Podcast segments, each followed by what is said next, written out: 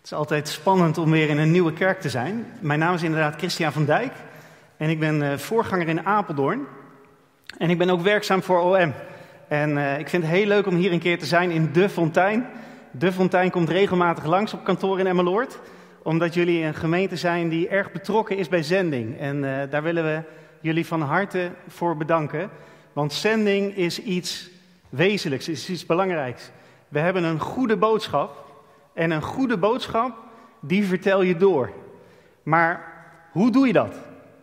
En vanmorgen wil ik met jullie spreken over een getuige van de Heer Jezus Christus zijn. Hoe doe je dat precies? Ik weet nog wel dat ik een jaar of 16 was, een jaar of, ja, ik denk 16, 17. En toen hadden wij bij ons in de kerk een stelletje wat net uh, van de Doelos kwam, uh, een groot schip van OM. En wat weer terug was in Nederland. En een van die, uh, de man van dat, van het echtpaar, die was ontzettend enthousiast. En die kwam naar mij toe en die zei tegen mij, wij gaan evangeliseren. En ik dacht, oh nee hè, evangeliseren. Um, en hij zegt, we gaan dat vanaf nu een jaar lang doen. Elke donderdag op de, op de hoofdstraat in Apeldoorn. Nou, ik was 16, 17 en ik weet nog wel dat ik daar met knikkende knietjes iedere donderdag naar de hoofdstraat toe ging. Wat zag ik er tegenop? En meestal viel het heel erg mee. Dan kwam ik weer thuis en dan dacht ik van nou, het is best wel meegevallen. Maar toch zijn de reacties op het evangelie, die waren verschillend. Sommige mensen wouden met je in discussie. Andere mensen die wilden er niks van weten, die liepen zo door. Sommige mensen werden boos. Die, die pakten zo'n traktaatje aan en die smeten dat zo voor je voeten op de grond. Die wouden er niks mee te maken hebben. Maar gelukkig waren er ook mensen waarvan je het idee had: hé, hey, misschien is de Heer wel met ze aan het werk. En vandaag wil ik met jullie nadenken over Johannes 15. We zijn bij ons in de kerk zijn we door de bovenkamergesprek, het bovenkamergesprek heen aan het gaan. En dat is eigenlijk een gesprek in, de, in het Johannesevangelie wat begint bij hoofdstuk 13 en wat doorgaat tot hoofdstuk 16. En vandaag wil ik met jullie nadenken over hoe Jezus tegen zijn discipelen zegt dat ze een getuige van hem moeten zijn. En voordat we dat stukje gaan lezen in Johannes 15, je kunt het alvast opzoeken, Johannes 15, vers 18. Maar voordat we dat stukje gaan lezen, wil ik iets zeggen over de wereld waar Johannes het over heeft. De wereld, dat is een generalisatie van Johannes. Hij, het is een generalisatie van alles wat vijandig staat tegenover de Heer Jezus Christus en tegenover zijn volgelingen. Het wil niet zeggen dat in de wereld iedereen maar christenen haat en dat ze allemaal uh, vijandig staan tegenover het evangelie. Want heel duidelijk staat er dat er in de wereld ook mensen zijn die de Heer Jezus Christus uh, gaat roepen. Die hij gaat roepen uh, om zijn koninkrijk binnen te gaan. Dus de wereld is alles wat vijandig staat tegenover God. Zullen we lezen Johannes 15, vers 18. Daar zegt Jezus, wanneer de wereld je haat, bedenk dan dat ze mij eerder haten dan jullie. Als jullie bij de wereld zouden horen, zouden jullie, zou ze jullie hebben liefgehad als iets van haarzelf. Maar jullie horen niet bij haar, want ik heb jullie uit de wereld weggeroepen. Daarom haat ze jullie. Denk aan wat ik gezegd heb. Een slaaf is niet meer dan zijn meester. Ze hebben mij vervolgd, dus zullen ze ook jullie vervolgen. Maar wie zich aan mijn woorden gehouden heeft, zal zich ook aan jullie woorden houden. Dit alles zullen ze jullie vanwege mij aandoen, want ze kennen hem niet die mij gezonden heeft. Ze zouden niet schuldig zijn als ik niet was gekomen en tegen hen had gesproken. Maar nu hebben ze geen excuus voor hun zonde. Wie mij haat, haat ook mijn vader. En ze zouden niet schuldig zijn als ik niet bij hen had gedaan wat niemand anders ooit heeft gedaan. Maar ze hebben het gezien en toch mij en mijn vader gehaat. Zo ging in vervulling wat in hun wet geschreven staat. Ze hebben mij zonder reden gehaat. Wanneer de pleitbezorger komt, die ik van de Vader naar jullie zal zenden, de geest van de waarheid die van de Vader komt, zal die over mij getuigen. Ook jullie moeten mijn getuigen zijn, want jullie zijn vanaf het begin bij mij geweest. Dit alles heb ik tegen jullie gezegd om te voorkomen dat jullie je geloof verliezen. Jullie zullen uit de synagoge gezet worden. En er komt zelfs een tijd dat iedereen die jullie doodt, meent daarmee God te dienen.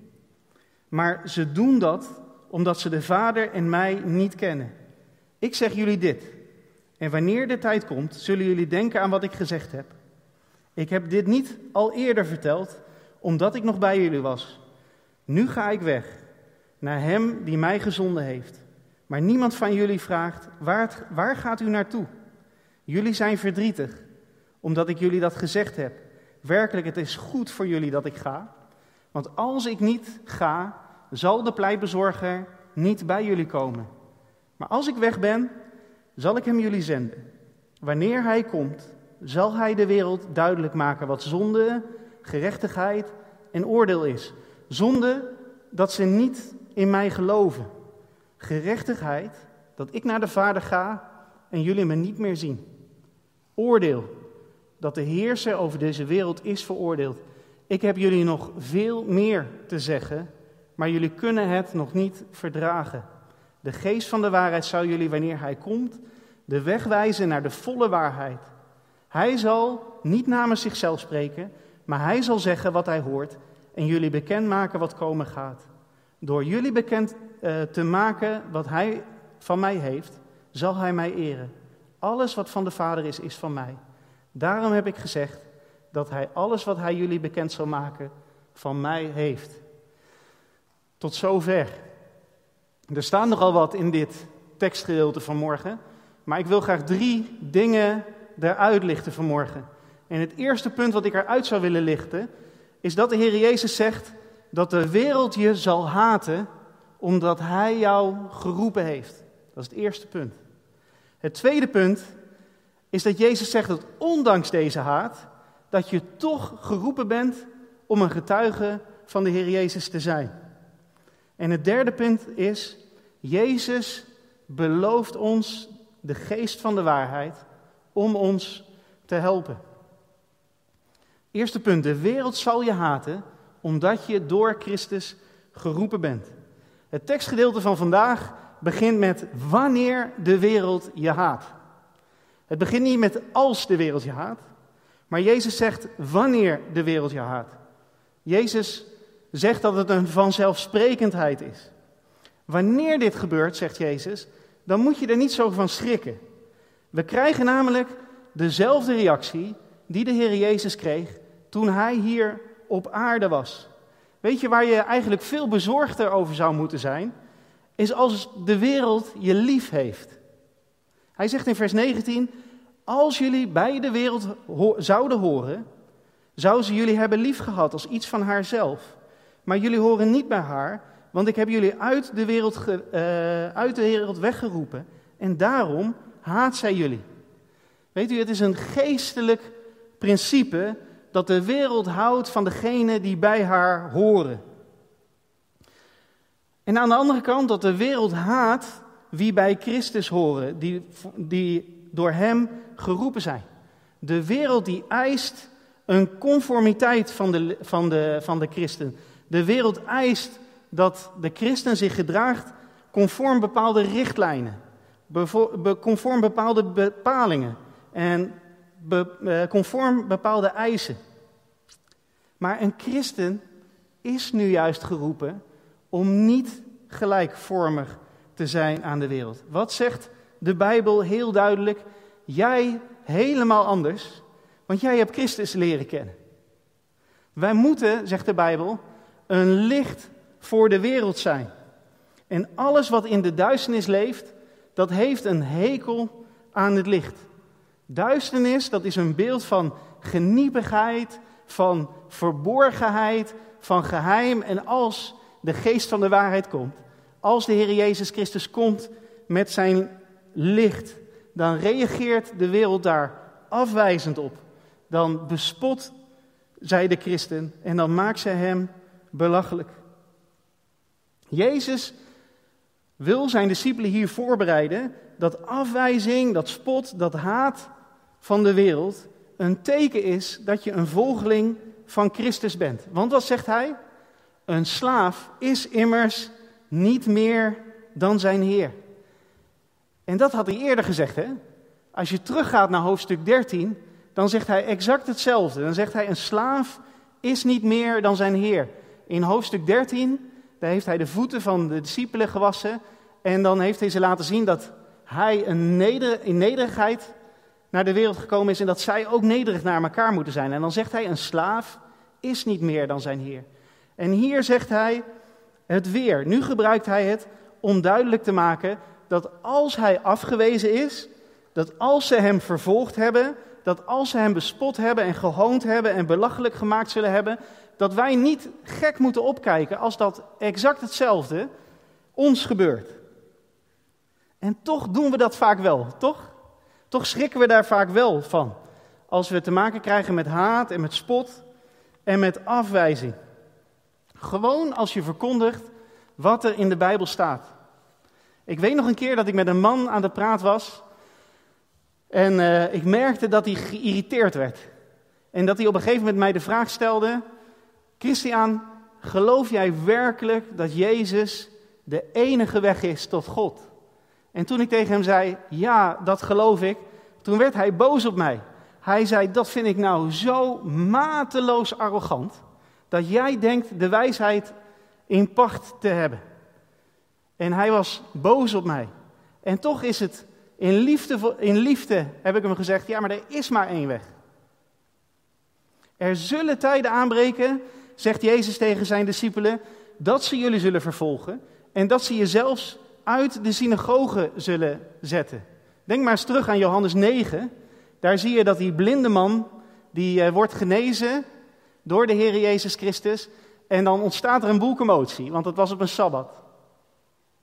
En dan uh, roepen ze zijn ouders, uh, de fariseeën roepen zijn ouders uh, bij zich en zeggen ze, is dit jullie zoon? Ja, zeggen ze, dat is onze zoon.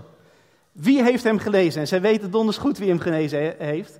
Maar ze zeggen, nou, dat weten we niet, dat moet je maar zelf vragen. Omdat ze bang zijn uit de synagoge gezet te worden.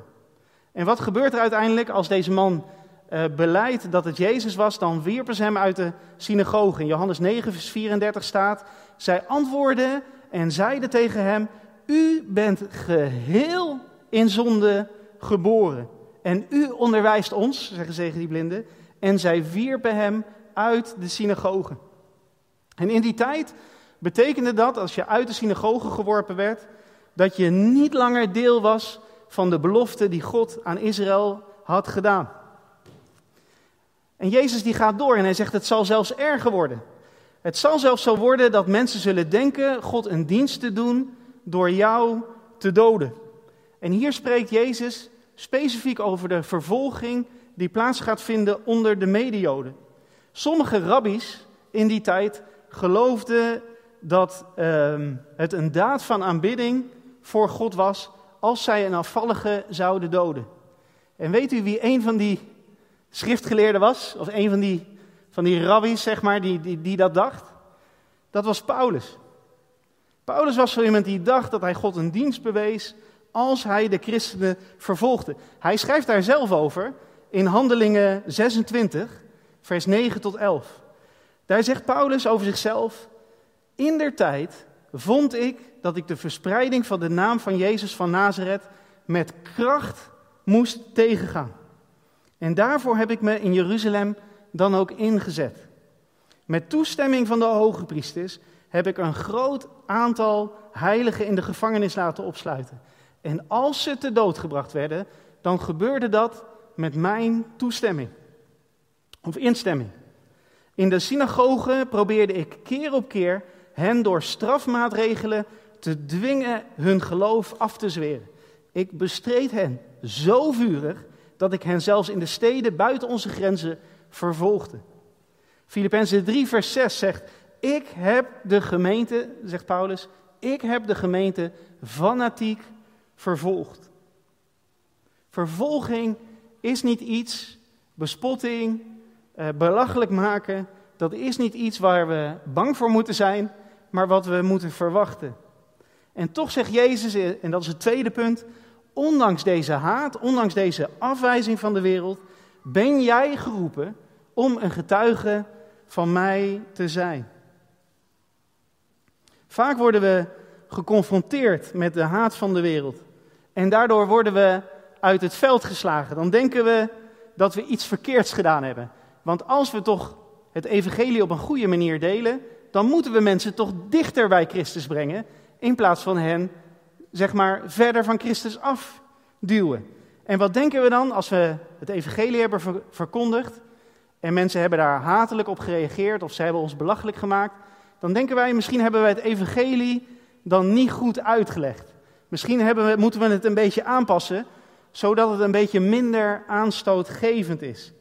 Toch denk ik dat we dat niet moeten doen.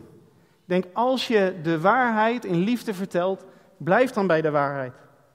Er zijn, mijns inziens, drie reacties mogelijk op de verkondiging van het evangelie. En die reacties staan in 1 Korinthe, hoofdstuk 1, vers 23 tot 25. En daar zegt Paulus, maar wij verkondigen een gekruisigde Christus. Voor Joden aanstootgevend en voor heidenen dwaas. Maar voor wie geroepen zijn, zowel Joden als Grieken, is Christus Gods kracht en wijsheid.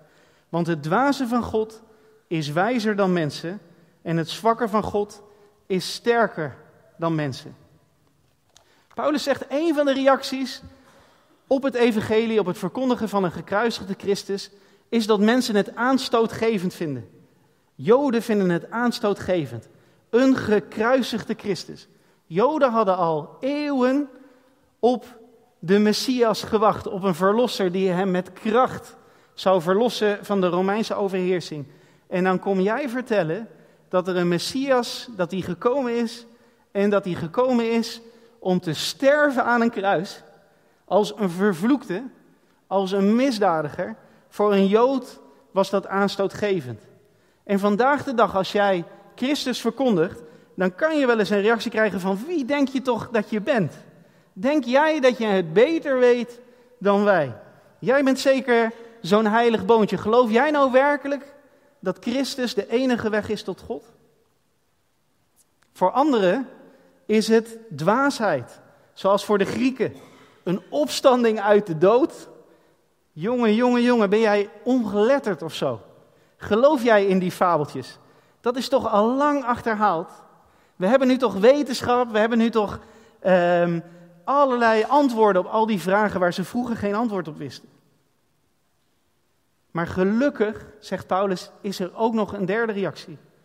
En die reactie voor zowel de Jood als voor, je, voor de Griek is dat Christus Gods kracht is en wijsheid.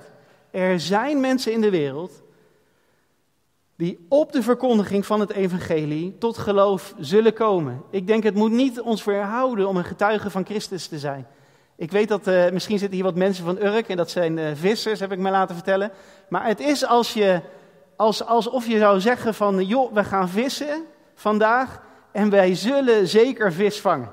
Er zijn mensen in de wereld en die zijn door Christus uitverkoren, die zijn door Hem geroepen. En wanneer wij hen het evangelie van Christus vertellen, dan zullen zij reageren met Christus, Gods kracht en wijsheid.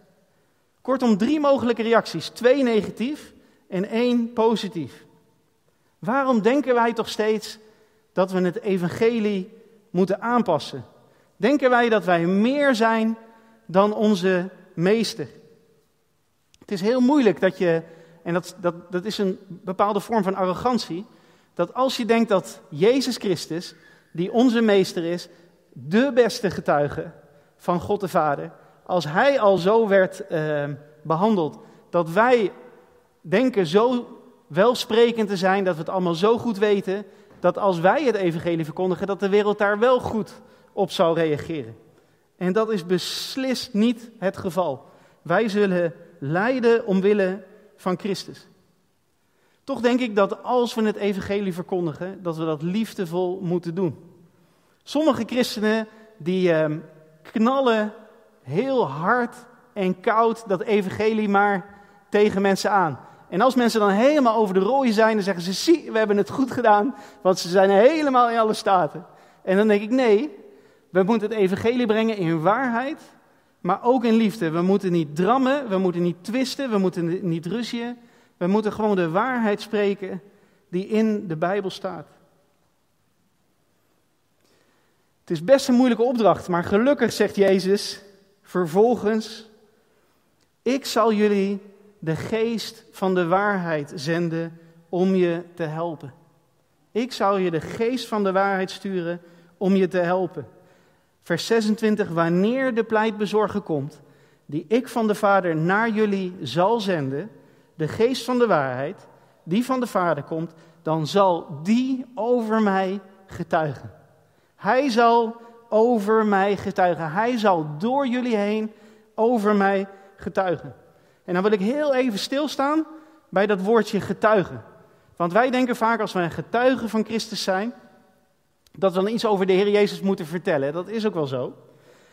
Maar Johannes die gebruikt het woord getuigen meer in een soort juridische setting.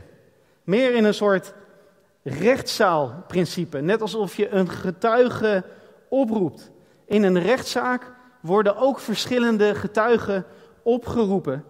En dat is een van de belangrijke thema's in, de, in dit eh, evangelie van Johannes.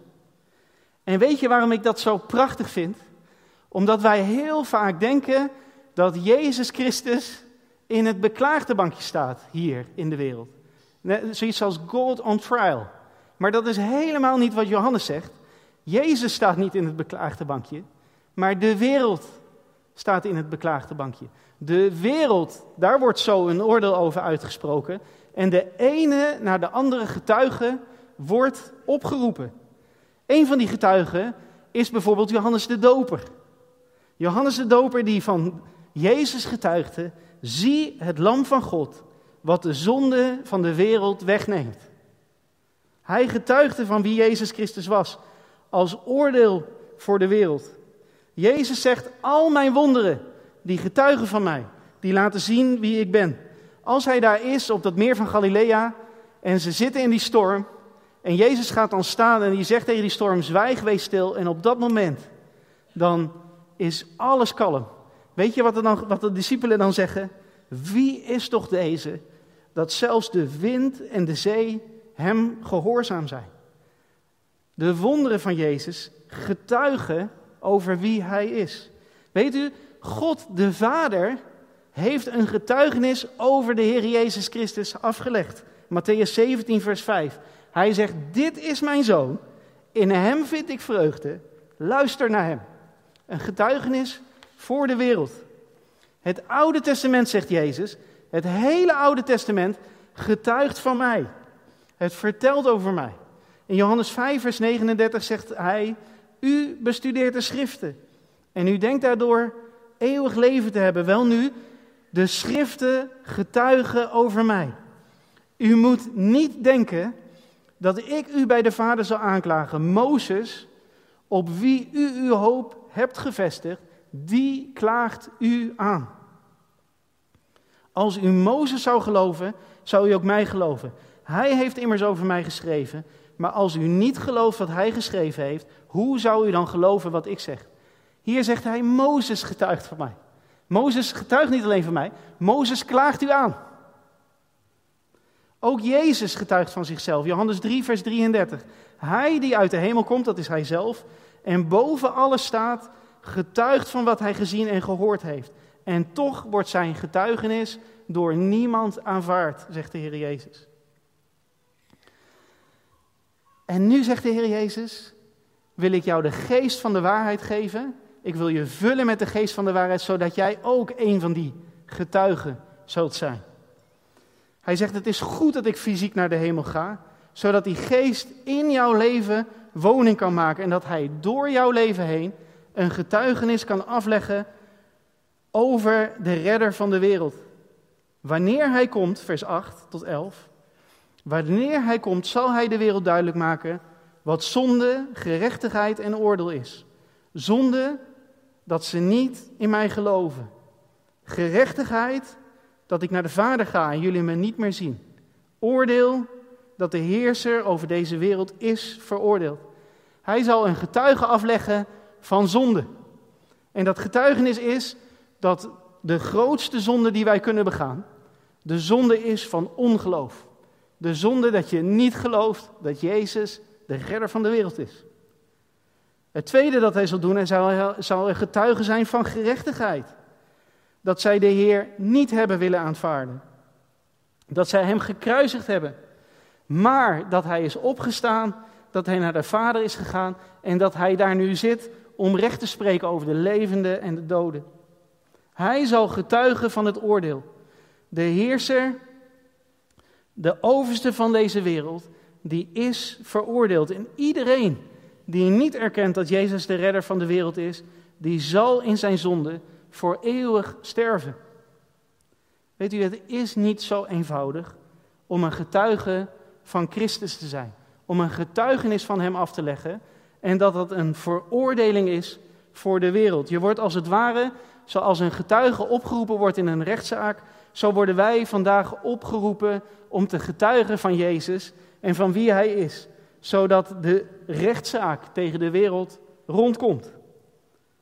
Dat is niet eenvoudig. En dat is niet iets wat je van nature gemakkelijk doet. Zeker niet als je daarbij bespot en gehoond en beschimpt wordt. En misschien zelfs vervolgd. Maar de geest van de waarheid, de helper, die zal je tot steun zijn, zegt de Heer Jezus Christus. En kijk eens naar die discipelen. Hier zitten ze in die bovenkamer, hier zijn ze verward, hier zijn ze angstig, hier weten ze allemaal niet wat er gebeurt. Maar straks op die Pinksterdag, dan worden ze vervuld met die geest van de waarheid. En wat een vrijmoedigheid geeft dat voor hun om te vertellen over wie Jezus Christus is. Ik wil met jullie gaan naar de toepassing. We hebben vanmorgen drie dingen gehoord. Het eerste wat we gehoord hebben is dat de wereld ons zal haten omdat we door de Heer Jezus Christus geroepen zijn. Het tweede wat we hebben gehoord is dat ondanks deze haat, dat we toch geroepen zijn om een getuigenis van de Heer Jezus Christus af te leggen. En het derde wat we hebben gehoord is dat Jezus Christus ons belooft dat Hij ons de geest van de waarheid zal geven om ons daarbij te helpen. Weet je, de wereld, wanneer de wereld je haat, zegt Jezus, de wereld zal je haten omdat je door Hem geroepen brengt. En laat je dat vanmorgen niet van slag brengen. Als er negatieve reacties komen op jouw verkondiging van het evangelie, zie dat nou niet als falen wanneer je dat met een hart vol liefde en vol bewogenheid doet. Jezus was de beste getuige die je maar kon bedenken van de Vader. En ook hij werd bespot. Hij werd gehoond. Hij werd afgewezen. En uiteindelijk werd hij ter dood gebracht. Als hij onze meester is en zo is behandeld, dan kunnen wij hetzelfde verwachten. Er komt een tijd, zegt Jezus, dat wij ook gehaat zullen worden. Dat wij deze haat ook zullen ervaren. Jezus is hier heel duidelijk over. Waarom? Zodat het je niet overvalt wanneer het je overkomt. Toch zegt Jezus, ondanks deze haat ben je geroepen om een getuige te zijn. Jezus heeft jou opgeroepen om van Hem te getuigen, om te vertellen wie Hij is en wat Hij heeft gedaan. En ik wil je, op de, ja, ik wil je eigenlijk uitdagen, doe dat bij elke kans die je krijgt. Elke keer als je ook maar de mogelijkheid hebt om iets over de Heer Jezus te, te zeggen, doe dat. Maar je kan drie reacties verwachten. Sommigen zeggen, je bent hartstikke gek. Je bent hartstikke dwaas. Jij laat je ook alles op de mouw spelden. En dat is prima. Dat is een goede reactie op de verkondiging van het evangelie. Een tweede reactie kan zijn een reactie van boosheid. Van aanstootgevendheid. Wie denk jij nou werkelijk dat je bent? Denk jij nou werkelijk dat Jezus de enige weg tot God is? Wat mateloos arrogant. Prima reactie op de verkondiging van het evangelie. Maar we mogen ons ook verblijden dat ook vandaag, ook in Nederland, Jezus mensen tot zich roept. En dat die zullen reageren met Jezus Christus is Gods kracht en is Gods wijsheid. Als laatste hoeven we dit niet alleen te doen. Gelukkig maar. Gelukkig hoeven we dit niet alleen te doen, maar geeft Jezus ons de geest van de waarheid om ons te helpen. Hoewel het misschien soms lijkt alsof we Jezus moeten verdedigen, alsof Jezus in het beklaagde bankje staat, is dat helemaal niet het geval. Jezus staat niet in het beklaagde bankje. Wie staat er in het beklaagde bankje vandaag? Dat is de wereld. En één voor één worden de getuigen opgeroepen. En die getuigen, die getuigen van de Heer Jezus Christus, van wie Hij is, tot veroordeling van de wereld. Ze hadden het kunnen weten. Johannes die zei, zie het lam van God wat de zonde van de wereld wegneemt. Alle wonderen van Jezus hebben van hem getuigd. Het hele Oude Testament zegt Jezus, getuigt van mij. Mozes zelf klaagt jullie aan, zegt de Heer Jezus Christus. Ook Jezus getuigt van zichzelf. God de Vader heeft een getuigenis van Jezus afgelegd. En ook u en ook ik mogen vandaag daarbij aansluiten. En wij mogen ook een getuige van de Heer Jezus Christus zijn. Wij mogen een getuigenis van Hem afleggen, van wie Hij is. En om een getuigenis van de Heer Jezus af te kunnen leggen, om dat goed te kunnen doen, heb je die inwoning van Gods Heilige Geest, die volheid van Gods Heilige Geest, die vervulling met zijn Heilige Geest, heb je elke dag nodig. En mijn vraag is: leeft de Heilige Geest in jou? Leeft Hij in jou? Hij is een persoon. Hij wil in jou wonen. Jezus Christus wil Hem aan je geven. En wat moet je doen als je, als je denkt: ja, misschien ben ik nog niet zo vol van de Heilige Geest. Misschien ben ik nog niet vervuld met de Heilige Geest. Misschien ben ik, ben ik ja, als een, een aardevat eh, wat lekt aan alle kanten. Ik zou je willen uitdagen: ga op je knieën en vraag degene die doopt met geest en vuur. Vraag hem vandaag: Heer, vul mij toch weer met de geest van waarheid. Wilt u mij volmaken? Wilt u mij zenden? Wilt u mij een getuige van Christus laten zijn? Amen. Zullen we bidden?